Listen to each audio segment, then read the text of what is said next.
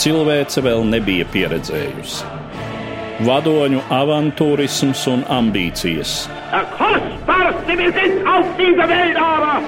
Valsts vīru neizlēmība un ilūzijas. Arvien jaunas valstis ievilktas kara virpulī. United States of America was suddenly and deliberately attacked. Nežēlīgi malti cilvēku un tautu likteņi. Lai dzīvo darba tautas draugs un ģeniālais vadonis biedrs Stalins! Otrais pasaules karš sarunās ar Eduardu Liniņu raidījumu ciklā Satumsums. Labdien, cienījamie klausītāji! Turpinot mūsu vēstījumu par Otrā pasaules kara norisēm, mēs esam nonākuši līdz padomju uzbrukumam uz rietumiem 1945. gada janvārī un februārī. Mans sarunbiedrs studijā kara muzeja pētnieks Valdis Kusmins. Labdien! Labdien! Mēs runājam par tā saucamo Vislas Oderas uzbrukuma operāciju, kas sākas 12. janvārī un nepilnu trīs nedēļu laikā sarkanā armija triecienā veids teju 500 km un sasniedz līniju, kur tagad ir Vācijas austrumu robeža, un tas ir faktiski 70 km no Berlīnes. Un tas ir pirmais jautājums, kāpēc tā situācija ir tāda, ka četrkārtējs pārsvars dzīvajā spēkā un vēl lielāks pārsvars jebkurā kara tehnikā tajā brīdī ir šajā austrumu frontē, būtiskākajā tās sektorā, tieši pretī Berlīnai.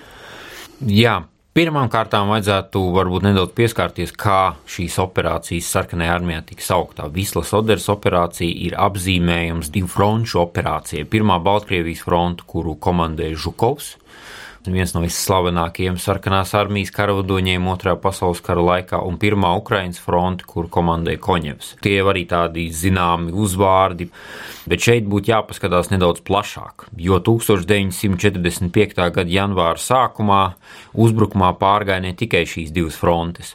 13. janvārī, vienu dienu vēlāk, sākās Austrumprūsijas operācija, kur arī piedalījās divas frontes - otrā Baltkrievijas fronte Rokosovska vadībā un trešā Baltkrievijas fronte Černihovska vadībā.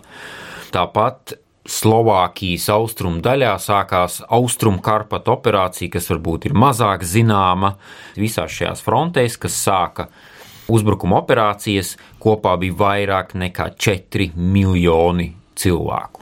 Protams, ne visi bija priekšējās līnijās, ne visi bija karotāji, bet 4 miljoni tas ir vienkārši fantastisks skaitlis. No Baltijas jūras praktiski līdz Ungārijai. Un Ungārijas Budapeštas apkārtnē tieši janvārī sākās kaujas ļoti sīvas, niknas, piesaistīja pamatīgs spēks. Tas bija vēl neredzēts pārspēks. Bet, ja mēs atgriežamies pie šī galvenā jautājuma, kāpēc Vācijas bruņoto spēku virspavēlniecība pieļāva situāciju, kad ir tik katastrofāls pārsvars, tad mums būtu jāatgriežas nedaudz atpakaļ, kur mēs esam runājuši par kaujām rietumu frontē. Un ko es iespējams nevienreiz vien esmu teicis, ka Vācijas bruņotie spēki un Vācijas trešais reiks nevarēja nekādā veidā uzvarēt Otrajā pasaules karā, ņemot vērā sabiedroto pārspēku, gan ekonomisko, gan demogrāfisko, varētu teikt, gan arī militāro pārspēku, jo sevišķi kopš 1944. gada jūnija pēc Normandijas desanta operācijas, kad ir jau reāls un nepārprotams karš divās frontēs, un Vācijas Führeram Adolfam Hitleram bija jāizdara izvēle vai nu pamest vienu fronti vai pamest otru fronti. Un tas lēmums bija 1944. gada decembrī mēģināt aktīvi uzbrukt rietumu frontē, Vahtam Rein, Ardēnu kauja, un izslēdzot no spēles rietumu sabiedrotos vai ierobežojot viņu militārās spējas, pēc tam atgriezties austrumu frontē, kur zināmu lomu vajadzēja spēlēt arī kurzemes armija grupai, kas jau šajā brīdī, 45. gada sākumā, bija atgriezta, sauszemes komunikācijas bija nogrieztas starp kurzem un pārējo Vācijas teritoriju. Līdz ar to mēs varam pieņemt, ka tas bija apzināts risks, cerība, ka uzbrukuma operācija, kuru plānoja sākt rietumos jau novembrī, bet kura faktiski sākās decembra vidū, ka šī uzbrukuma operācija būs sekmīga, un šīs uzbrukuma operācijas rezultātā pēc tam izdosies izbrīvēt šos spēkus, pārsviest uz austrumu fronti un tad skatīties, kas notiek tālāk. Un otra lieta bija tas, ka Ādolfs Hitlers, nu vismaz tā Heinz Gudrijāns savos memoāros to apraksta, neticēja sauszemes spēku štāba izlūkošanas daļu vadītāja Reinharda Gēlena ziņām par šo fantastisko pārspēku. Jo pārspēks 4 pret 1 ir tad, ja mēs skatāmies visu frontes sektoru kopā. Bet Vislas Oderas operācija, kā jau tu norādi nosaukums, sākās no Vislas no trījiem placdarmiem - Pulavī, Magnuševa un Sandomeža placdarmi Vislas upes rietumu krastā, no kurienes šie uzbrukumi bija, un pašos placdarmos pārspēks jau bija mērāms desmitos. Tur bija desmit reizes vairāk artērijas, desmit reizes vairāk tanku.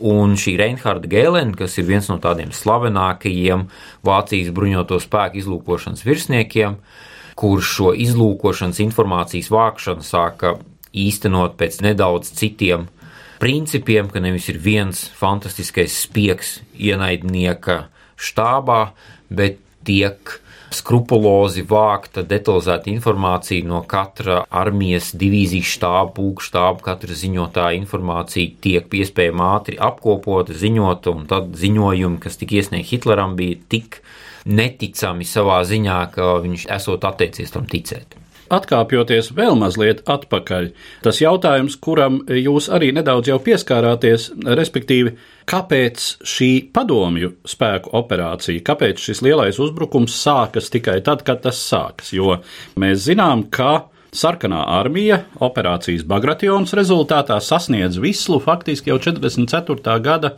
vasaras beigās. Jā, sasniedz Vislu 44. gada vasaras beigās. 44. gada vasaras tā sauktie desmit, reizēm viņi sauc par desmit Staļina triecieniem, kas bija sekojošas, viens ar otru saistītas stratēģiskas uzbrukuma operācijas, kur rezultātā, piemēram, Somija izstājās no otrā pasaules kara aktīvās darbības, tiek zaudēta Rīga, tiek atbrīvota visa Padomju Savienība praktiski teritorija, Ukraina, Moldova un tā tālāk. Bet šeit ir arī Varšavas sacaušanās pa vidu ar visiem šiem notikumiem. Bet iemesls, kādēļ uzbrukums sākās tikai 1945. gada janvāra sākumā, ir tieši tas pats, ko jau mēs esam runājuši praktiski visu laiku stāstot par kaujām Austrumu frontē. Tātad sarkanās armijas uzbrukuma operācijas ļoti perspektīvs sākums. Tas ir izmantojam artēriju, tankus, caurojam fronti, virzamies uz priekšu, un pēc tam sākās problēmas. Ir izstieptas komunikācijas, ir liels zaudējumi kājnieku vienībās, ņemot vērā apmācības līmeni un kājnieku vienību papildināšanas specifiku, un jau pēc mēneša, vai arī mēs varam to mērīt, ja ne mēnešos, tad kilometros, 100, 200 km, un šīs vienības jau ir zaudējušas savu uzbrukumu spēku, jo trūkst degvielas, trūkst munīcijas, trūkst kājnieku komunikācijas ir izstiepts un tas viss beidzās. Tieši par šo mēs runājām par kaujām Latvijas teritorijā 1944. gada augustā, kad tiek īstenot Vācijas bruņoto spēku sekmīgi uzbrukuma ar ierobežotiem mērķiem, tukuma atkal atbrīvošana kaujas Lietuvā. Un faktiski šis sarkanās armijas ļoti sekmīgais uzbrukums Baltkrievijā, operācija Bagration, beidzās, vienkārši beidzās iespējas. Un kas arī bija svarīgi, ka tieši 1944. gada beigās notiek pirmā Vācijas bruņoto spēku rezervi nosūtīšana uz austrumu fronti pēc Normandijas operācijas. Šeit var arī pieminēt kurzemi. Jau oktobrī, novembrī, sākot plānošanu, kā mēs tālāk uzbruksim Berlīnas virzienā, jau bija paredzēts, ka kurzem tiek iznīcināta armija grupējums ziemeļi tiek iznīcināts, un spēki, kas atbrīvotos, varētu izmantot varbūt ātrākai uzbrukuma sākšanai. Šie plāni nerealizējās, kurzem paliek līdz pat otrā pasaules kara beigām, kā reizēm sauc neieņemts cietoksnis, līdz ar to šie plāni tiek mainīti. Un šajā ziņā ir arī vēl viena tāda ļoti, ļoti īpatnēja un savā ziņā arī raksturīga detaļa. Ir šī slavenā sarakste vai saruna starp Staļinu un Čērčilu, kurā Čērčils Staļinam it kā lūdz sarkanajai armijai sākt uzbrukumu austrumu frontē ātrāk, jo pēc tiem formālajiem plāniem uzbrukuma sākumam būtu bijis jābūt 20. janvārī, taču Čērčila lūgums un Staļins žēlīgi piekrīt un sāk uzbrukumu 12. janvārī, 8 dienas iepriekš. Lai gan tie faktiskie sarunu atreferējumi nebūtu neliecina, ka tā ir lūkšana. Drīzāk Čērčils informēja Staļinu, ka Vācijas bruņoto spēku labākās vienības patreiz atrodas rietumos, un būtu muļķīgi, ja Staļina kungs neizmantotu šo brīdi, kamēr šīs vienības tiešām atrodas rietumos un ir saistīts. Un Staļins, protams, nerīkojās muļķīgi un izmanto šo unikālo iespēju, kā jau mēs runājām, izmanto šo pārspēku, kas ir izveidojies, un sāk uzbrukuma operāciju ātrāk, kas ir viens no sarkanās armijas raksturīgākajiem sekmīgu operāciju īpašībām. Negaidīt, kamēr mēs būsim gatavāki, bet uzbrukt tagad, jo mums ir pārspēks un ir iespējas izmantot šo pretinieku vājību. Mums, diemžēl, nav bijis raidījums, kas būtu veltīts tieši Varšavas sacelšanās notikumiem 1944. gada augusts, septembris. Tur kaujas bija diezgan ilgas. Varšavas sacelšanās pati par sevi kā ļoti nozīmīgs poļu nacionālās pretošanās kustības moments, kad šī sacelšanās tiek sākta ar cerību, ka sarkanā armija palīdzēs piedalīties Varšavas atbrīvošanā, un, protams, tās spekulācijas, kāpēc Staļins nepiekrita palīdzēt Varšavas sacelšanās, ka viņš, protams, negribēja armiju Krajovu nekādā veidā nostiprināt, tas nebija viņa interesēs un viss pārējais. Bet ir arī otrs faktors, kas saistās tīri militārām kaujām, kas bija Varšavas austrumu priekšpilsētās Varšavas tūmā, kur kaujās piedalījās SS tanku vienības, 5. SS tanku divīzija un vēl citas vienības kur sarkanās armijas priekšējie tanki jau atkal bija pasteigušies uz priekšu, tur viņas ielēca, pēc tam atkal varonīgi izlauzās no šī ielēkuma. Un bija skaidrs, ka, ja arī varēja sarkanās armijas vienības atbalstīt šo Varšavas sacelšanos, tad tas prasītu pārāk lielas pūles, lai šis atbalsts būtu efektīvs un sekmīgs. Un tajā pašā laikā tie placdarmi, no kuriem sākās Vislas Oders operācija 45. gada janvārī, kā reiz tika izcīnīti ap šo Varsavas sacelšanās laiku, un šie placdarmi no sava strateģiskā viedokļa, ņemot vērā, ka sarkanās armijas galvenais mērķis bija Berlīnas ieņemšana, karoks virs Reichstāga, tad Magnuševas placdarms, lai cik tas cīniski arī neizklausītos, bija daudz svarīgāks nekā Varšavas iedzīvotāja liktenis. Runājot mazliet konkrētāk par Latviju, šis jautājums, uz kuru daļēji jūs jau atbildējāt, bet vēlreiz, kur zemes armiju grupa, kas tur ir ieslēgta šai katlā, jeb cietoksnī, ir varbūt tā galvenā rezerve, kas nāktu prātā, kuru vācieši varētu izmantot, ievērojot to, ka Vācijas kara flote kontrolē Baltijas jūru, līdz pat pašām kara beigām un iespēja pārsviest no Liepājas un Ventspils ar kuģiem, un tad šīs daļas izmantot pret padomju uzbrukumu Polijā. Kurzeme bija viens no lielākajiem strīdu sāboliem 1945. gada janvārī, februārī Vācijas bruņoto spēku augstākajā virspavēlniecībā, un viens no galvenajiem iemesliem, kādēļ štāba priekšnieks Heinz Gudrijāns, slavenais Heinz Gudrijāns, pārstāja būt par štāba priekšnieku, un savos memoāros un citās liecībās ir minēts, ka viņš gandrīz bija meties Hitleram virsū ar dūrēm. Heinz Gudrijāna uzstādījums, kur zem ir jāevakuē par katru cenu. Šajā gadījumā runa ir par kaujas tehniku, kas būtu jāatstāj kurzemē, jo visu artēriju, tehniku, munīciju, visu to, ko armija grupa Ziemeļi bija savākusi pa četriem kara gadiem un nebija zaudējusi atšķirībā no citām armiju grupām, evakuēt nebija iespējams.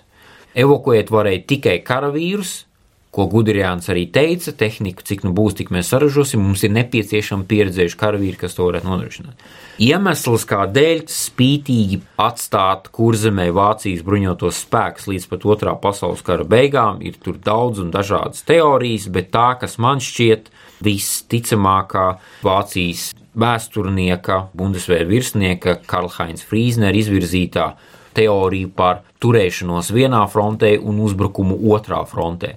Tātad 44. gada decembrī uzbrukam rietumos, pavasarī, kad kara darbība austrumu frontē sliktās infrastruktūras un ceļu dēļ ziemā ir ierobežota, bet pavasarī, aprīlī, maijā jau viņi būtu iespējami.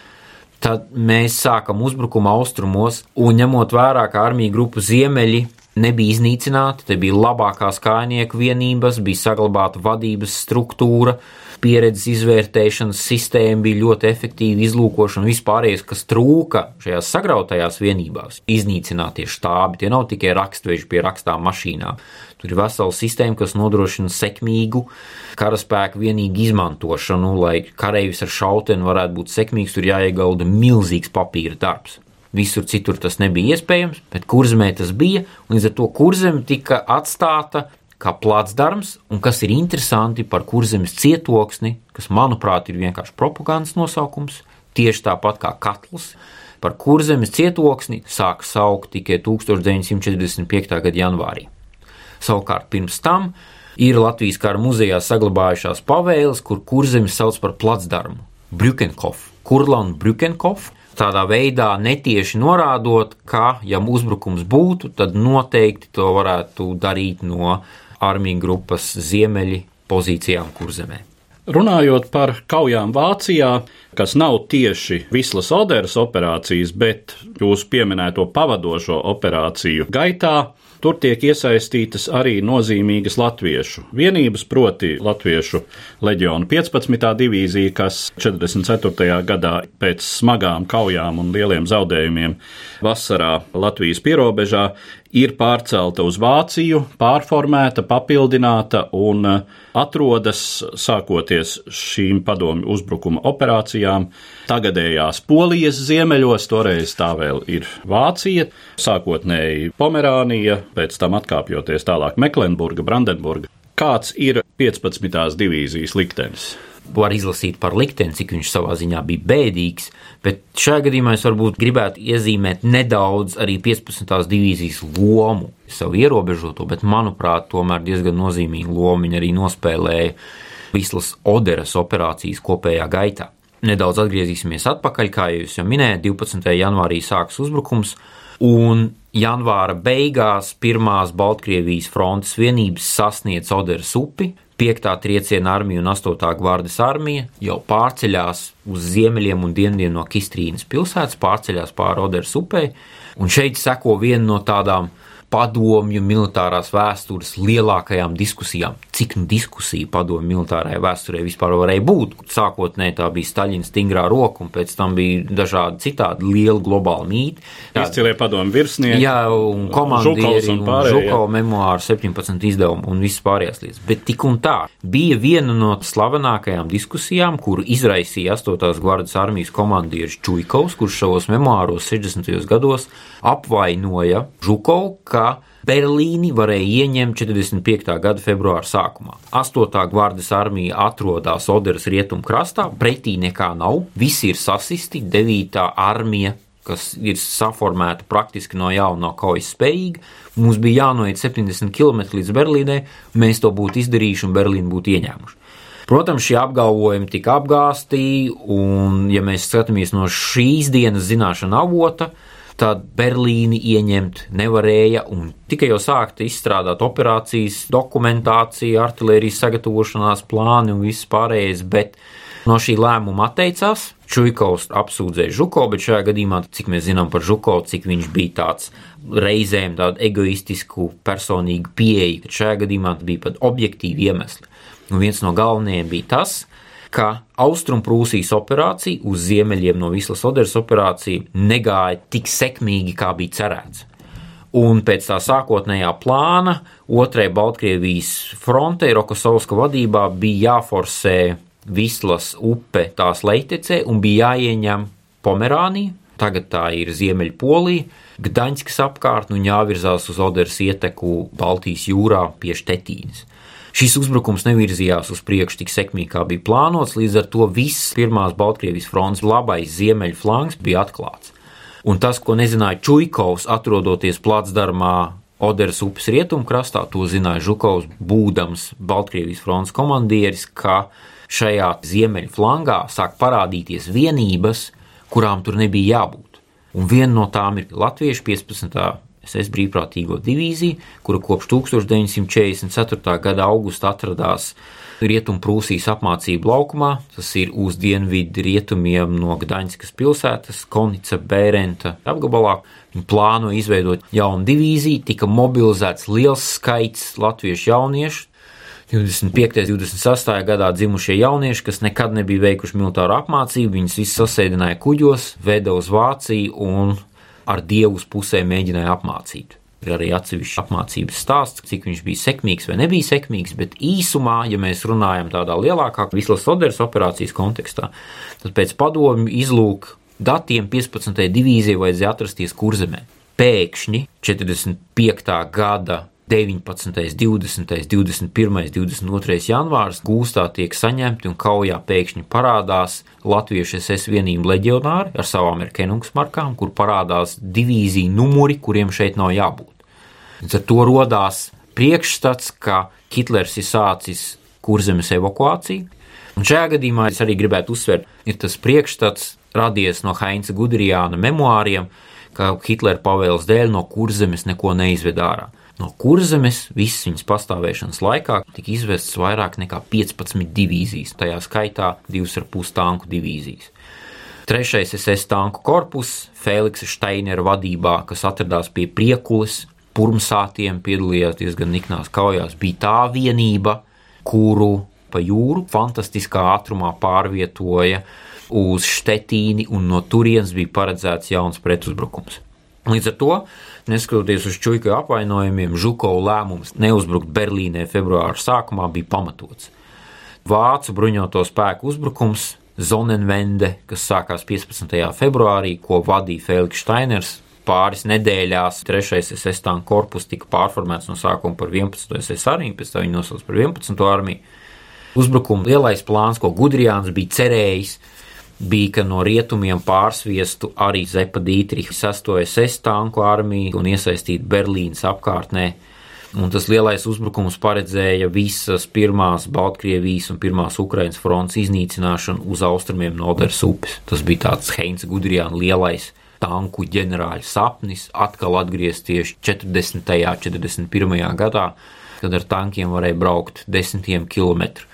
Tas neīstenojās, bet ko tas īstenoja, ka šīs jaunās vienības, kas pēkšņi parādījās, un šeit ir 3. SS korpus, 32. kāņīga divīzija, 15. latviešu SS grenadieru divīzija, kas pēkšņi parādās nezinu no kurienes, kas lika apstāties un sākt plānot citas operācijas. Diemžēl šīs latviešu SS divīzijas iesaistīšana bija nepārāk sekmīga, ar ļoti smagiem zaudējumiem. Pie Nakeles, Imenhaimas, Jastrovas, bēdīgi slavenās Flederbornas, par ko bija raksts, manuprāt, mājas viesī, vai slepkavoja latvieši poļu karagūstekņus vai nē, manuprāt, ka nē. Bet tomēr tās bija smagas un asiņainas kaujas, viņi atradās ielēkumā, bija spiest no ielēkuma izlausties. Visa šī darbošanās pirmās Baltkrievijas frontes aizmugurē būtiski aizkavēja tālējošos plānus. Un 15. divīzija, ja mēs skatāmies kartes, gan padomju puses kartes, kas ir maz saglabājušās, gan vācu puses kartes, kas ir ļoti labi saglabājušās tieši no šī laika perioda. Armija grupas visla kartes ir starp citu pieejamas internetā, visas pa dienām, kas kur ir bijis, kas ko darījis, kur piedalījies. Tad mēs redzam, ka 15. divīzija, neskatoties uz lielajiem zaudējumiem un sakāvēm, bija viena no tām, kas veicināja šo plānu izmaiņu, savā ziņā sev pa nelaimi, jo izmainītais plāns sāka Austrumprūsijas operācijas, sākas 10. februārī un turpinās līdz 4. aprīlim, kuras mērķis bija visas mūsdienu Ziemeļpolijas iztīrīšana. Kā rezultātā 15. divīzijas daļas izlauzās uz rietumiem līdz Štetīnēm, pie Šneidemīlas, tika pāri Oderē, bet pārējās latviešu vienības tā jau nebija tikai 15. divīzija. Tur bija robeža apsardzības pulku paliekas, policijas pulku paliekas, tajā skaitā arī bijušie Latvijas drošības policijas, kas pirms tam pazīstama ar beidīgo ārāju komandas nosaukumu, karavīri, kas bija pārvesti uz Ziemeļpoliju. Tur bija tūkstošiem latviešu bēgļu arī pie Dancigas un Gotenhāfens. Tie visi cieta ļoti, ļoti smagas zaudējumus un bija ieslēgti Gdaņskā, Gotenhāfenā līdz pat Otrā pasaules kara beigām pāris nedēļas pirms paša noslēguma, tas ir 1945. gada aprīļa beigas, kad Austrumprūsija un Pomerānija beidz eksistēt kā vācu kontrolētas teritorijas. Vēl viens jautājums, kam es gribu pieskarties šajā sarunā. 45. gada janvāra beigas, februāra sākums ir tas laiks, kad sarkanā armija ieiet vācu gadsimtiem ilgi apdzīvotās teritorijās, un tātad faktiski Vācijā. Un runa ir par to, ka šeit arī jau Polijas teritorijā padomju karaspēka rīcība attiecībā pret vācu civiliedzīvotājiem ir raksturīga ar nežēlību un Šis jautājums joprojām tiek diskutēts, un šeit joprojām ir ļoti plašs viedokļu spektrs, sākot ar to, ko šobrīd joprojām aizstāv lielākā daļa Krievijas vēsturnieku, ka sarkanarmieši nekādā ziņā nav rīkojušies necilvēcīgāk vai bijuši mazāk disciplinēti par citām armijām, tiem pašiem rietumu sabiedrotiem un, protams, nesalīdzināmi humānāki par vāciešiem Padomju Savienības teritorijā.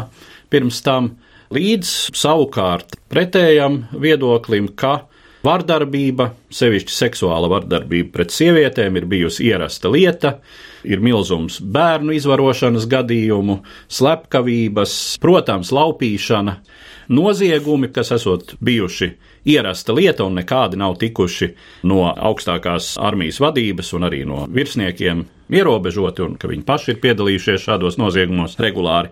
Šeit ir jāatgriežas atpakaļ, ka pirmie incidenti, tas 1944. gada oktobris Nemersdorfa, pirmais vācu apdzīvotais ciemats, ko karadarbības rezultātā ieņem sarkanās armijas vienības ar visām no tām izrietošām sekām. Šī tēma ir tāda ļoti sāpīga, un galvenā problēma, manuprāt, ir tā, ka mums, diemžēl, nav nekādas pieejas sarkanās armijas tiesāto karavīru krimināla lietā. Mums nav ne mazākās nojausmas, vai viņus tiesāja, cik viņus tiesāja, par ko viņus tiesāja. Līdz ar to jebkurš secinājums, vairāk vai mazāk, privāts, drīzāk kā vērtējums, kā man liekas, kā tas varētu būt. Nu šeit es gribētu uzsvērt, manuprāt, divas svarīgas lietas. Lieta numur viens, kas bija, kad mēs runājam par sarkanās armijas uzbrukuma operācijām, ko es diezgan bieži arī minēju, šo sarkanās armijas īpatnību, tieši kājnieku vienību karavīru sagatavošanā, kas ir ļoti specifisks, ja mēs salīdzinām ar rietumu standartiem, viņus praktiski neapmāca. Tieši kājniekus. Viņus iesauca, apmācīja, protams, bija varianti, bet nereti divas nedēļas. Reizēm cilvēks vienreiz izšāva, varbūt neizšāva, un uz priekšu Iespējams, viņa dzīves ilgums ir pāris stundas, nu, varbūt pāris mēneši. Tas neatiecās uz visām sarkanās armijas vienībām un karavīru kategorijām, piemēram, izlūki, sakarnieki, artilēristi, tankisti, tika apmācīti, savukārt pret kainiekiem cīniska attieksme. Tāpat viņi iet bojā, nav jēgas ieguldīt laiku. Līdz ar to, lai nodrošinātu šo kainieku vienību kaujas spējas, tehniska taktiska apmācība tika aizvietota ar tādu, sauksim to par propagandas indoktrināciju, ko šis pats slavenais Ērenburga nāvi fašistiem, nāvi vāciešiem, un tas viss savā ziņā bija ļoti labs motivējošs, vienojošs elements pilnīgi visiem krieviem, kazahiem, baškīriem, vienojošais motīvs nogalināt fašistu, iznīcināt fašistu. Problēmas sākās, ar ko saskārās, un cik nu mums tās dokumentālās liecības ir jau 44. gada oktobrī, kad viņi patiešām nonāca līdz šai Vācijai, un tām sekām, ko šī propagandas indoktrinācija izraisīja. Respektīvi, kad vācietis vairs nebija tikai karavīrs. Kad, kā, kad vācietis nebija karavīrs un viņš vairs nebija karikatūras tēls avīzē, bet viņš kļuva par reālu, tad pēkšņi izrādījās, jā, viņas patiešām nogalina. Un tas izraisīja tādu lavīnas efektu, pirmkārt, savā ziņā nesodītību. Jūs taču man paši teicāt, pirms kaujas ejiet viņu nogalināt. Es viņu arī nogalināju. Ko jūs tagad no manis prasat? Viņi saskārās ar divām lietām. Propaganda ir laba, bet karavīri zaudējumi ir tik katastrofāli, ka bija jāsāk šī propaganda mainīt. Un viņi to arī darīja. Protams, tas ir ļoti individuāli, kurās vienībās virsnieki paši dzēra un izvaroja kurās vienībās ar to cīnījās, kurās tiesāja vairāk, kurās tiesāja mazāk. Ir dokumentālas liecības par publiskiem nāves sodiem, bet problēma bija sekojoša, ka izmainīt to, kas 3-4 gadus bija stāstīts, ko mēs darīsim ar vāciešiem, kad mēs nonāksim Vācijā, izmainīt trijos, četros mēnešos bija praktiski neiespējami. Un šeit, lai cik tas cīniski neizklausītos, bija jāsaglabā tāds vidusceļš starp šo propagandas efektu, indoktrinācijas efektu uz priekšu iznīcināt fašistus un disciplīnas saglabāšanu. Tātad ik pa brītiņam mēs pievaram acis, ik pa brītiņam kaujas beidzās, ir kaut kāds mierīgāks periods, un tā, lai gluži viss tiešām nenodzertos un viss nenogalinātu, mēs kādu tiesājam, publiski reizēm nošojam, nosūtām uz soda rotām vai virsniekus uz soda bataljoniem, tās bija atšķirīgas vienības, un kaut kādā veidā ar to mēģinam cīnīties. Nenoliedzami tas bija. Bet, protams, runa ir par apmēriem, kurus mēs nekad nevarēsim novērtēt, kamēr mums nav pieeja pie sarkanās armijas reāliem dokumentiem. Summējot savu viedokli, šie noziegumi pret civiliedzīvotājiem bija. Šie noziegumi bija lielākos apmēros un reizēm katastrofālos apmēros nekā tas bija Rietumfrontē. Un viennozīmīgs arī gribētu uzsvērt, ka sarkanās armijas vadība saprata šo noziegumu katastrofālo ietekmi uz kaujas spējām. Neviens virsnieks nekad, ja viņš grib saglabāt savus kājnieku rotas kaujas spējas, neteiks vīri, ejam izdzeram visu vagonu tukšu, un tad ejam laupīt un nogalināt visu to darīt. Šī rota kļūst automātiski kaujas nespējīga, un nav pilnīgi nekādas garantijas, ka viņš šīs kaujas spējas atgūs. Es gribētu izvairīties no vispārinājumiem, bet nenoliedzami šādi fakti bija. Ar to mēs arī noslēdzam mūsu šodienas sarunu, kas bija veltīta sarkanās armijas uzbrukumam uz rietumiem 1945. gada pirmajos mēnešos, un es saku paldies manam sarunbiedram, kara muzeja pētniekam Valdim Kusminam. Paldies, uzredzēšanos! Katru svētdienu Latvijas radio viens par pagātni sarunājas Eduards Līniņš.